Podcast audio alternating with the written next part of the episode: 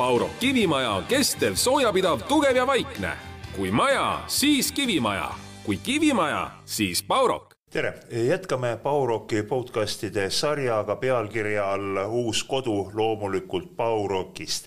ja täna on meil siis kolmas jutuajamine, kolmas saade sellest sarjast ning lühikese tagasivaatena juba eelmistele lugudele, eelmistele saadetele, siis esimeses saates andsime ülevaate kodu eelarvest ja võimalikest valikutest. teises saates arutasime projekteerimisega, ehitusloaga ja kasutamisega kasutusloaga seotud küsimusi. Ja täna oleme siis nii kaugel, et äh, hakkame rääkima konkreetsest ehitamisest, täpsemalt siis plokkseina ehitusest. nii nagu ikka, alustame siis tutvustusringiga, võtame siit vasakult käed, äh, Mikk Mänd, äh, Tallinna Ehituskool, sinu suhe nüüd Paul Plokiga.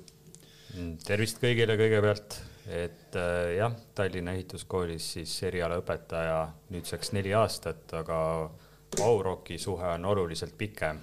E, ise tegevehitajana, müürimehena olen e, esimese Baurokist, tol ajal siis Aerokist maja ladunud alat-, aastal kaks tuhat viis ja kokku ma arvan, selline kakskümmend viis eramut kindlasti, e, alates siis kahesajasest klassikplokist, lõpetades viiesajase Ecotermiga ja kõik sinna juurde kuuluvaga. et päris ninapidi juures olnud, käsi soojas väga hea, tugev taust all. Äh, äh, Karl Viirmann-Paurok. tervist siis ka minu poolt, et äh, Paurokis siis nüüd juba kuus aastat, enne seda natukene tegelenud ka elementmajadega. nii et kokku seinaehituse juures olnud natukene üle kümne aasta. ja tootekonsultandina siis nõustan ja koolitan kliente, kes meil on erakliendid ja siis ka ehitajad, projekteerijad ja edasimüüjad ja viimane, kolmas mees äh, laua taga siis äh, Indrek Jaaska, Jämera. nii, minu kokkupuude Baurokiga on kuskil ka viisteist aastat äh,. olen ehitanud eramuid paigaldanud ka paneele, seinapaneele, laepaneele ühesõnaga kõike algusest kuni lõpuni peale? algusest lõpuni, vundamendist kuni vahe, katuslaeni välja no seal on, kui, kui sa lubad ennast natuke parandada, see pole enam kokkupuude, see on suhe juba see läheb natukene tõsisemaks, aga üks selline võib-olla minust hästi põhjapanev küsimus Baurok plokkidest maja ehitamisel, kas soojustada või mitte? Kes äh,, hakkame, Karl, võib-olla sinust. Eks äh, kõik oleneb muidugi kliendi enda soovidest, et meil on äh, olemas nii selline variant, kus siis eramuid eraldi soojustama ei pea, ehk siis Ecoterm pluss viissada ja kolm seitse viis plokid ja lisaks siis üldehitusplokid, mida täiendavalt peaks soojustama, siis moodustuks tervenisti seina konstruktsioon. noh, kliendile otsustamise andmine, see on võib-olla natukene riskantne, tema teinekord otsustab, et noh, rahakotti ei kanna ja, ja teeme nii ja, ja pärast tekivad probleemid, et kui, kui tihti tuleb sellist asja ette, et, et tahetakse lihtsamalt ja pärast hakkavad probleemid tekkima, just selle võtame soojustuse praegu teemas. Äh, no tuleb ette ikkagi, aga siis saaks äh, klientidega läbi rääkida, et soovitada just see, et soojus paksus, soojustuspaksus oleks õige, kui me räägime siin klassikplokkidest. ja Ecotermi puhul meil põhimõtteliselt soojustust vaja ei ole pannagi, nii kolm seitse viie puhul kui viiesajase ploki puhul. sa tõid ühe tegelikult väga olulise minu meelest äh, sõna äh, sisse, soojustuspaksus, mis seal seina sees võib nüüd juhtuda, kui on, ühel juhul on õhem soojustus, teisel juhul on paksem soojustus, Mikk, ma annan sulle. ja et äh et äh, kõigepealt ma tahaks seda öelda, et äh, nii-öelda esimesed aastad, kui seda plokki sai paigaldada, siis, äh, siis seda Ecoterm seeriat veel ei olnudki. Rõõm on olnud olla kõrval, kuidas toote areng on toimunud. mida rohkem erinevaid kiht, kihte seinas ja ütleme siis põhikonstruktsioon pluss siis soojustus, siis üks oht, mis seal tekkida saab, on nii-öelda kastepunkt, kuhu hakkab siis niiskus kondenseeruma. Et ühekihiline müür või müüritis on alati kindlasti riskivabam ja, ja seal ei ole, seal ei ole selliseid peidetud, varjatuid vigu kindlasti. et kõik on näha jah, kuulajatel-vaatajatel võib-olla äh, lahti selgitamises ka äh, kuidas see niiskus sinna seina sisse saab, sest äh, ma tean üldlevinud arvamust, et, et väljas vihma sajab, küll ta sealt tuleb. mehed, kes võtab selle koha pealt sõna, kus see niiskus seina sisse saab? no üldiselt võib-olla selle niiskusega kõige selline riskantsem on just hoone selline peale valmimist siis esimesed, esimesed aastad, kus on äh, nii plokkides olev tootmisniiskus kui siis ka monteerimiskäigus sinna lisanduv äh, niiskus, mis tuleb siis ilmastikust, liimist ja nii edasi, on ju. et äh, nii see, nii, nii, nii see niiskus sinna müüritise sisse saab.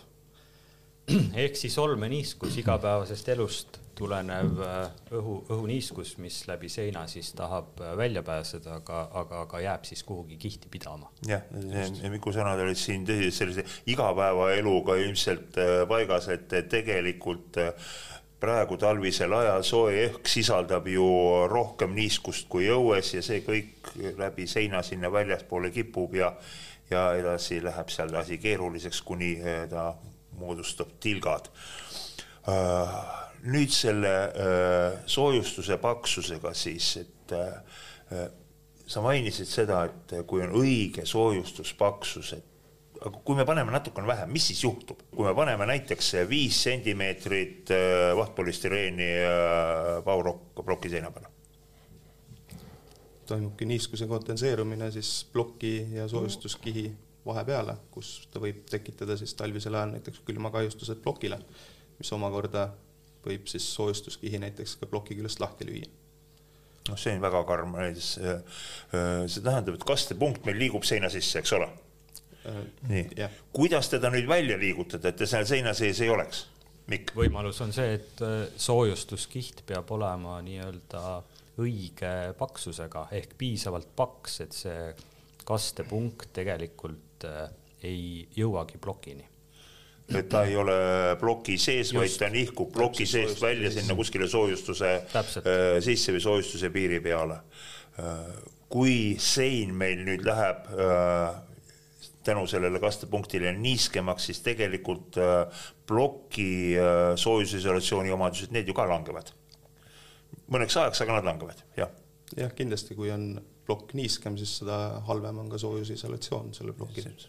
muutuvad materjali omadused mida te mehed nüüd ütlete, kui palju on paras ja see õige soojustuskiht plokkseina peal? Eks oleneb muidugi natukene võib-olla sellest plokkseinast ka, lisaks, lisaks sellele, et ka plokkseina paksusest, et kui, kui paksu kihti nüüd panna. võtaks konkreetne näide aga noh, üld, üldlevinud selline kahesaja millimeetrine plokkmüüritis ikkagi see soojustuskihi paksus võiks seal olla alates sada millimeetrit, pigem juba selline sada viiskümmend, kakssada millimeetrit. kui rääkida nüüd klassikplokist ja sinna panna peale vill, siis on riskid äh, kaotatud sellega, et meil tekib see kasvutepunkt seal äh, kivi sees pinnal. et, et see on nagu kõige parem lahendus, riskivabam noh, see on siis äh, niiskus liikumine on vabam ja, ja mm. ta saab nagu piiridest välja minna. hingab välja. jah.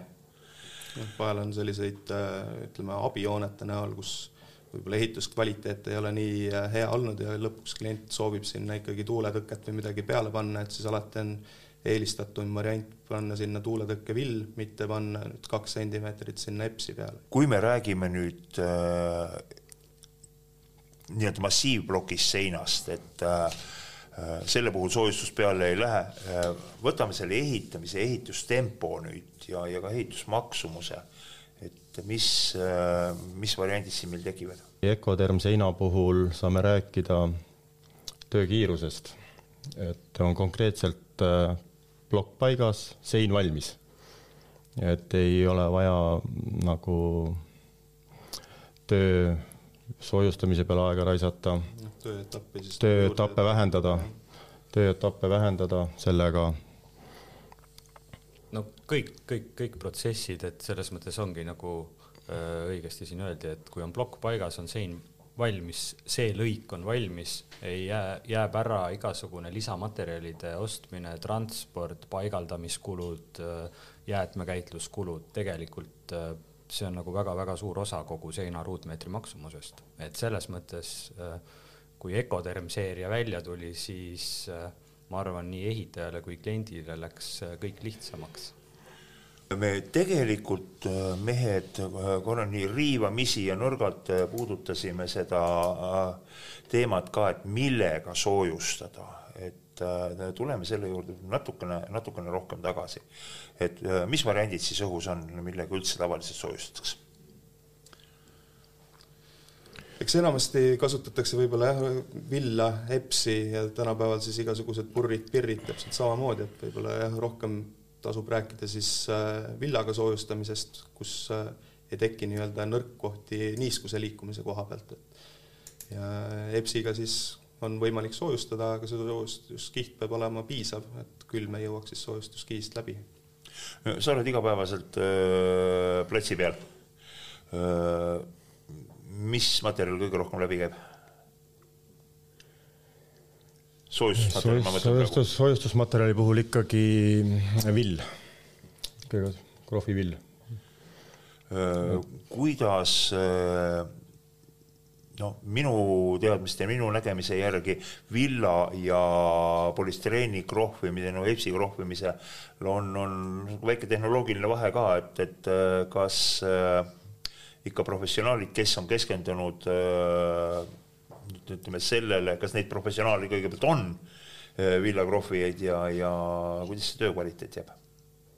Äh, kindlasti on olemas äh, oma ala spetsialistid ja seal ma arvan, et ei ole vahet, kas on nüüd EPS-i peale krohvimine või villa peale, nii et kui inimene tunneb seda tööd, mida ta teeb, siis see tulem-, lõpptulemus on kvaliteetne ja hea kuidas sul, sul on meeskonnas äh, ühed samad mehed, kes laovad, need panevad ka villa peale ja krohvi otsa? ei ole nii. ikka müürimees on müürimees, fassaadimees on fassaadimees nii, siis saime ühe väga hea märksõna, ma haaran sellest hiljem kinni. Äh, mis koolis poistele õpetatakse, panevad epsi või villa või, või jätavad üldse tegemata?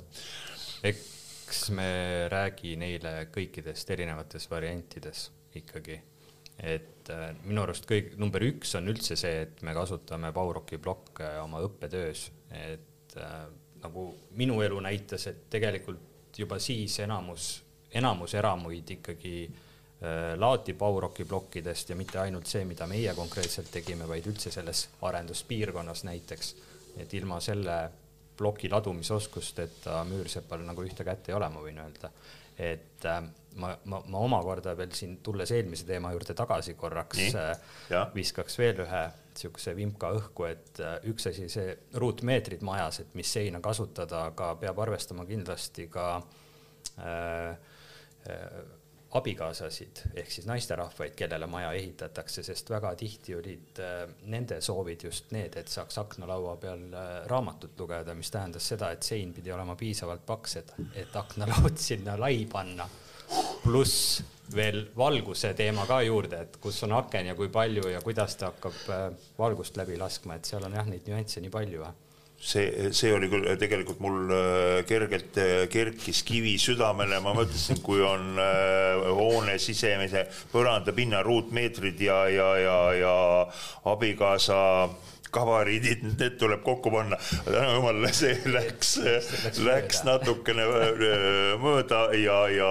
väga heas suunas, et tõepoolest see aknalaual piisavalt ruumi lilledele ja, ja ka raamatu lugemisele. aga üks asi, mul on üks joonis siin laua peal praegu veel ka ees. Mm, nüüd äh, igapäevatöös Äh, kui palju aitavad äh, kaasa need, et need sõlmejoonised on, äh, ma mõtlen, ehitajale aitavad kaasa, Baurokile need sõlmejoonised on olemas? kusjuures väga palju, sest Bauroki kodulehe peal on täiesti kõik ilusti sõlmed välja joonistatud, mis aitavad, lihtsustavad. võib-olla omalt poolt lisan jah, et lisaks ehitajale kindlasti aitavad need sõlmjoonised ka projekteerijaid, erakliente juba eelnimetatud ehitajaid, et absoluutselt kõiki, et tegelikult omalt poolt ja. me oleme töötanud välja sõlmlahendused, mis on äh, läbi töötatud ja reaalsuses, reaalses elus ka töötavad et kindlasti on kõikidele neist ja omanikel on hea järelevalvet pidada. ja et, et äh, ütleme nii, et kui, kui ehitad maja, siis on olemas ju tegelikult juba projekt, millest lähtuda, aga äh, kui ei ole konstruktiivset osa äh, sinna juurde. nii juhtub, eks ole, jah. no ütleme nii, et üsna tihti eramuturul juhtub, siis kõik vaidluskohad, siis on joonis lahti või kõne Baurocki ja, ja see asi saab lahendatud, et paar aastat tagasi nii-öelda sai laduda veel viimane viiesajasest Ecotermist maja ja ise vaatasin isiklikult nurgaseotisi sealt, et äh, pidi meelde tuletama. Need joonised ei asenda konstruktiivset joonist. seda loomulikult, seda me, me seda ei propageeri, projekt on ikka kõige alus, aga mm -hmm. nagu Mikk mainis, äh, elu on elu ja tihtipeale juhtub jah, sellist nii-öelda äh, noh, ütleme ilma konstruktiivse jooniseta tegemist ilmselt tuleb ka ette. kuna, kuna minagi teenin teenin igapäevast leiba ehitusõpetajana ja ka nii-öelda ehitusliku informatsiooni inimestena viijana, siis üks minu selliseid äh, soovunelmaid on, et meil on äh, asjatundlikud, haritud äh, ehitajad, müürimehed platsi peal mehed, on teil kogemust, kui palju, üks asi on töödejuht, aga teine asi, kui palju müürimees ka võtab telefoni lahti ja vaatab sealt. nii. Mida aeg edasi, seda rohkem. aga diplomaatid sa muigasid natuke kahtlevalt, et. mitte eriti ütleme niimoodi. mitte eriti ei vaata? mitte enam eriti ei vaata jah, ei, ma ei näe vajadust. Nendel asi öö, käpas ja asi heas. seda on jah tehtud. kas õpilast on võimalik suunata selle peale, et nad nüüd öö, jätad ise midagi ütlemata, et las harjub vaatama?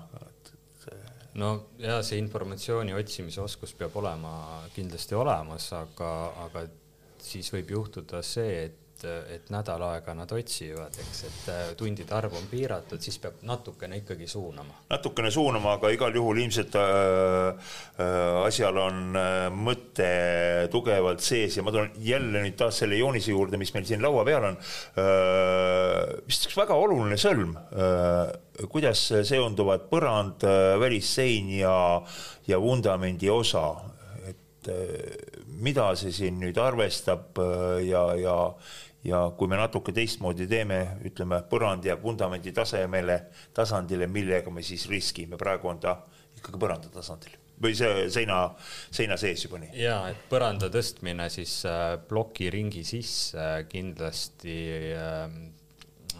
mõjutab siis selle põranda, põrandast e-, eralduva sooja kadu, sellepärast et kui, kui see põrand oleks täpselt vundamendiga tasa, siis järelikult põrandaliistu taga on esimene segu rea peal plokk ja põrandaliistu tagune on härmas, eks, et äh, poolnaljaga, aga, aga nii ta on, et et seda ja et seda sai esimest korda teha ka juba kaks tuhat viis tegelikult kliendi enda mm, mõjutustel tegelikult mm, -hmm. et äh, kuna ta tuli ja ütleme jah, Saksamaalt ja need ideed tulid sealt ja, ja siis nii edasi see kujunes just.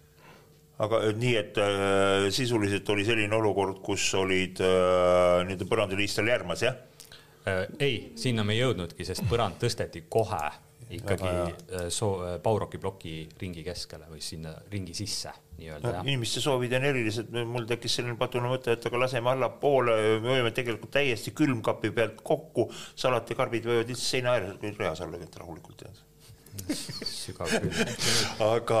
teine asi võib-olla jah, selle sõlme juurde tagasi tulles natukene äh, laiemalt ülespoole välja minnes, et äh, teine probleemikoht, mis sellega laheneb, on äh, standarduste äh, Äh, siis silluse tugipind, et kui plokk on ise kakssada millimeetrit kõrge, siis kümne reaga kaks meetrit ja üheteist reaga kaks kakskümmend, kui juba põrand on tõstetud kümme sentimeetrit kõrgemale, siis tulebki täpselt see standardukse ülemine äär tuleb kakskümne peale ilusti. Mm. -hmm. nii. Äh, väga huvitava teema tõstatasid üles, põikame vahepeal ka selle peale on loogiline, et projekteerijad peavad äh, ploki moodulmõõdust kinni, kas see on ka igapäevaselt nii? igapäevaselt, noh, nüüd juba rohkem, ütleme niimoodi.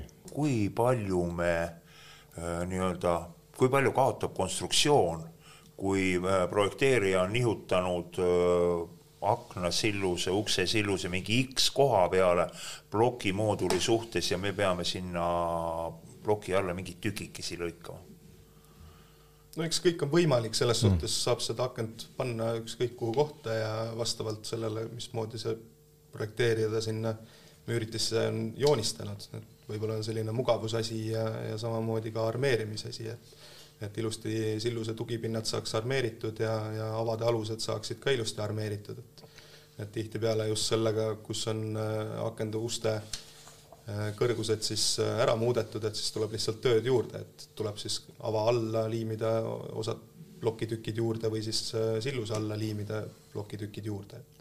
nõustun Karliga ka just, et selle koha pealt, et tööd tuleb juurde, ehk siis müürimehel on palju rohkem tööd, kõiksugused vaheread silluste alla, silluste peale või aknaavade alla liimimised, lõikamised, see on kõik töö.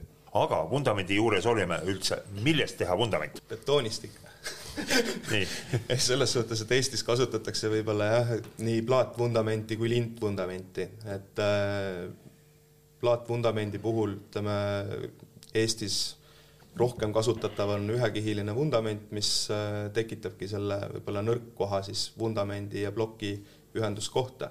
et äh, selline hästi hea kindel lahendus on äh, siis mitmekihiline lintvundament, mida hästi palju just meie kolm seitse viis ja viissada plokk äh, või plokkide puhul siis kasutatakse.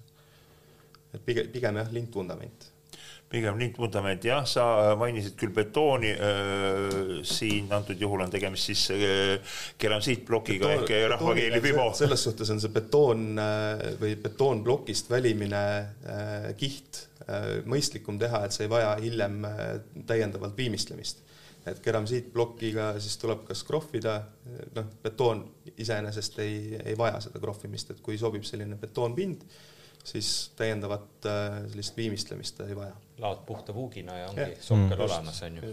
väga ja väga mõistlik äh, koht kokkuhoiuks ja, ja pole seda ka karta, et kui kuskilt äh, viiekümne aasta pärast midagi maha pudiseb või, või midagi sellega juhtub. Mm. no kui ma seal lahkan seda joonist natukene veel, siis äh, siia on üks must triip vahele tehtud äh, hüdroisolatsioon. miks see on vajalik ja, ja teisalt jälle niimoodi ehitajatega, kas ikka kõik ehitajad panevad selle musta kihi sinna vahele? kindlasti on ta vajalik sinna vundamendi peale, et äh, pinnasest tuleb niiskus ei läheks äh, plokki. nii, niiskus tõuseb siis kapillaarjõududega, tõuseb ülespoole just. veel edasi, kui me natukene lahkame seda seina, siis üks asi oli, te ütlesite jah, me olime kõik ühel meelel, õige paksusega soojustuskiht peab seal peal olema, aga äh, väga palju tänapäeval pannakse rõhku ja mitte ilmaasjata ka konstruktsiooni õhutihedusele. kuidas nüüd sellest plokist seina õhutihedusega lood on? materjal ise on õhutihe et äh, müüritise õhutihedus juba sõltub sellest, mismoodi on müüritist laotud. et kui sinna on pandud õigesti liim vahele ja on nii-öelda ori- või siis äh, otsasooned äh, ka täidetud, siis on juba müüritise õhutihedus sellega tagatud. juhul, kui tõmmatakse risti müüritist, tõmmatakse kammijäljed, nii et tekivad läbi müüritise õhukanalid, siis loomulikult õhutihedus tagatud ei ole. nii, siit siit, äh, siit oligi järgmine küsimus just äh, nendele inimestele, kes võib-olla no praegu vaatavad ka äh, meie saadet ja, ja näevad pilti Baurock plokis, seal on otsas on mingid sooned sees. mille jaoks need on üldse? tooted meil on muidugi kahte erinevat kuju, ühed on siis sirgete otspindadega, teised on siis selliste soontega.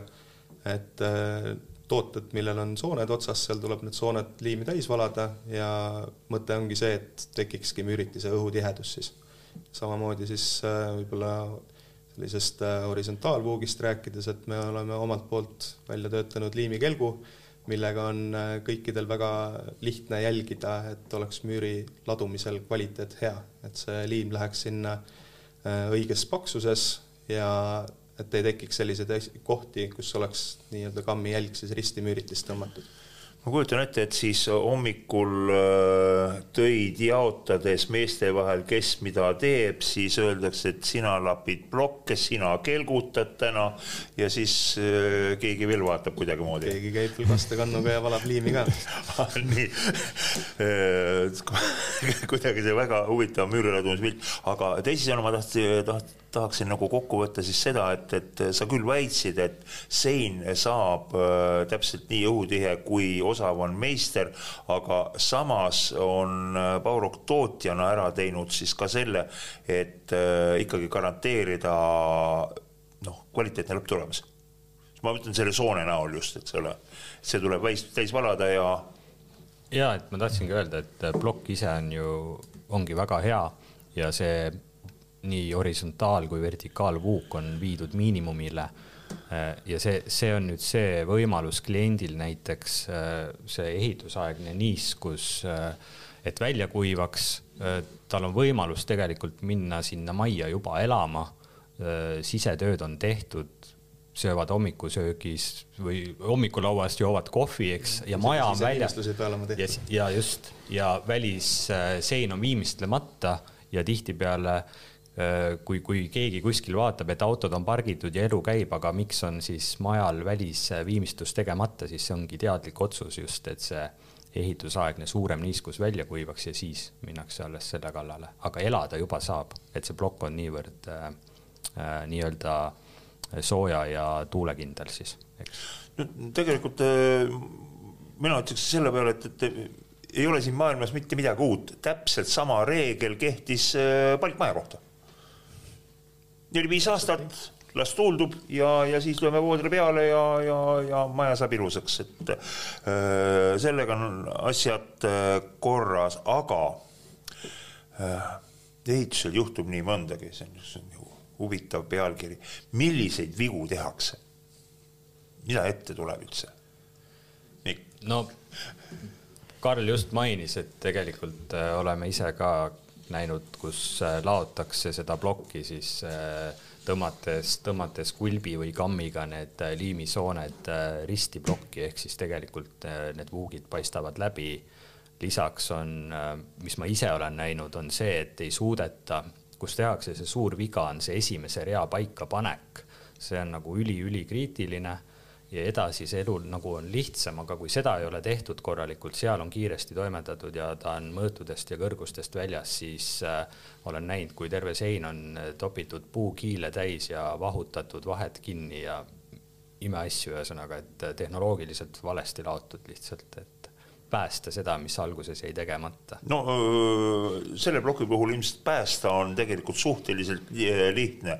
ma oma nii-öelda õpipoisi perioodist hulk aastaid tagasi, eelmisesse sajandisse läheb see otsa kõvasti.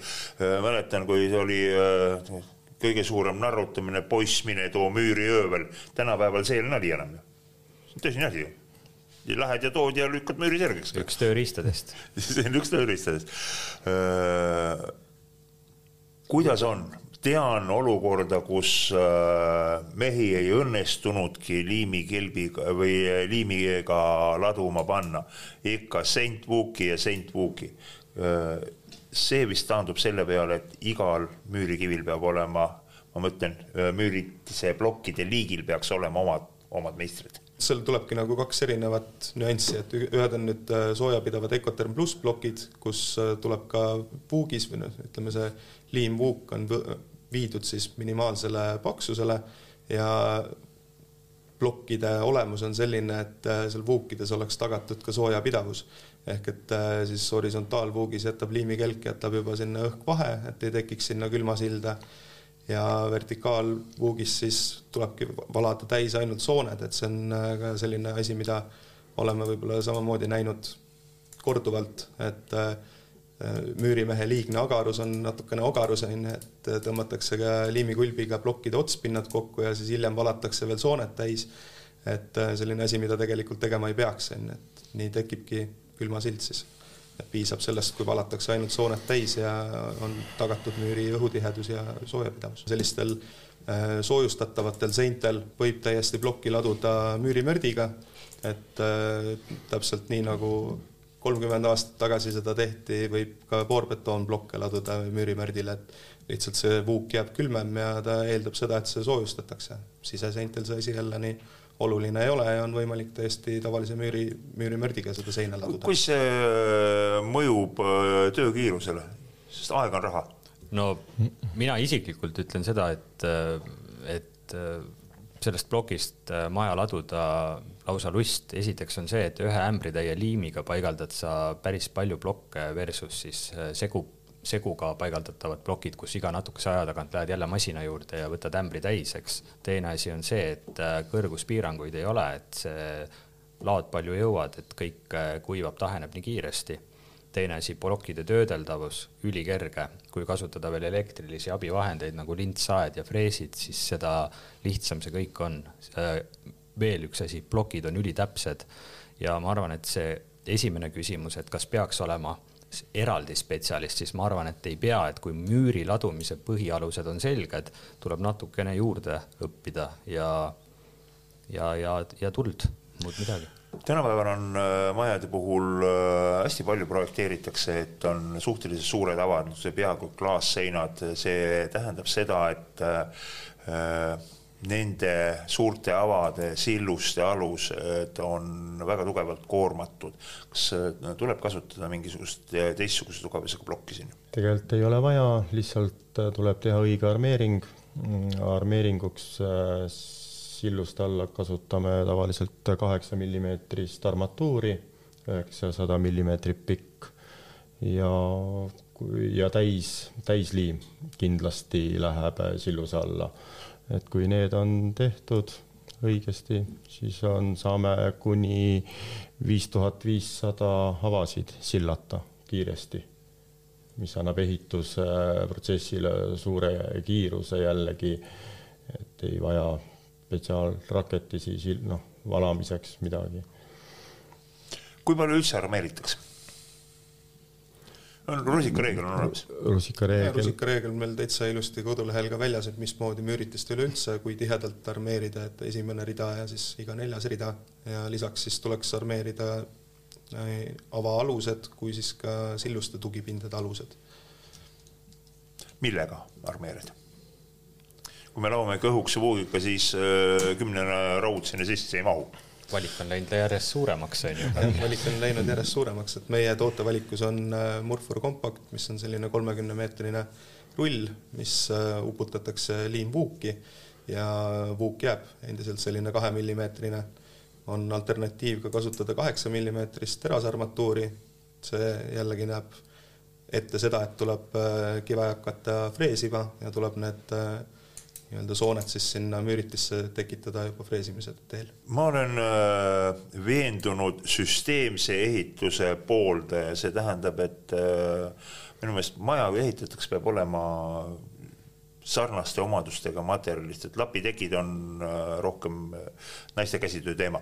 Äh, mida te ütlete, kas võtta kätte, kui ehitada Baurock-plokist maja, siis välisseinad, vaheseinad, ühesõnaga kõik, mis võimalik, tuleb ikkagi ühest materjalist või hakkame kombineerima sinna midagi sekka?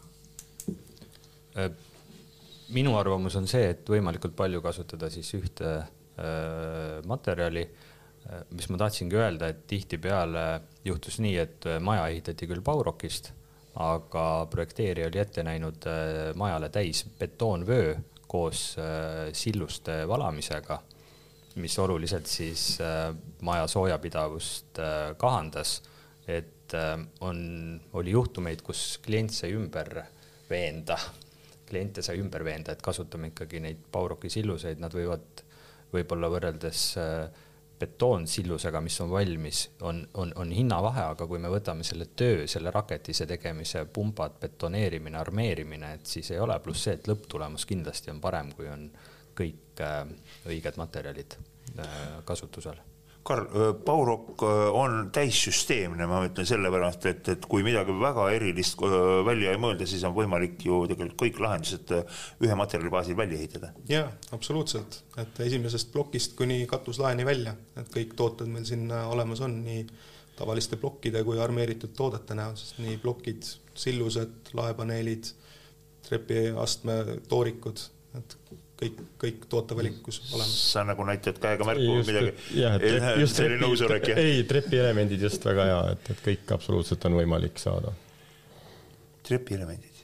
trepielemendid enamustes täitsa selline kasutatavad Jämera projektides just eriti võib-olla sellised igapäevasemad tooted, mida kasutatakse, et vajavad küll hilisemat viimistlust kas siis äh, juba plaatimist või, või eraldi parketid sealt peale, aga, aga jah, sellised trepitoorikud meil on voorbetoonist olemas. See on lihtsalt suurepärane, äh, Karl, sa tõid äh, sisse ühe märksõna, millest tingimata tuleb rääkida. see oli vahelaed ja katuslaed, aga paraku see on meie järgmise saate teema. nii et äh, täna rääkisime plokkseinte ladumisest, äh, plokkidest arutasime soojustatud välisseinu, ühekihilisi ja lisasoojustusega välisseinu, nii et mingis osas me oleme selle müüritöö läbi käinud ja järgmisel äh, korral siis kohtume ning äh, vähemalt ühtedeks teemadeks on äh, ukse ja aknavaade ehitamine, vahelagede ja katuslagede ehitamine ja kindlasti pikime sinna midagi muud ja põnevat ka juurde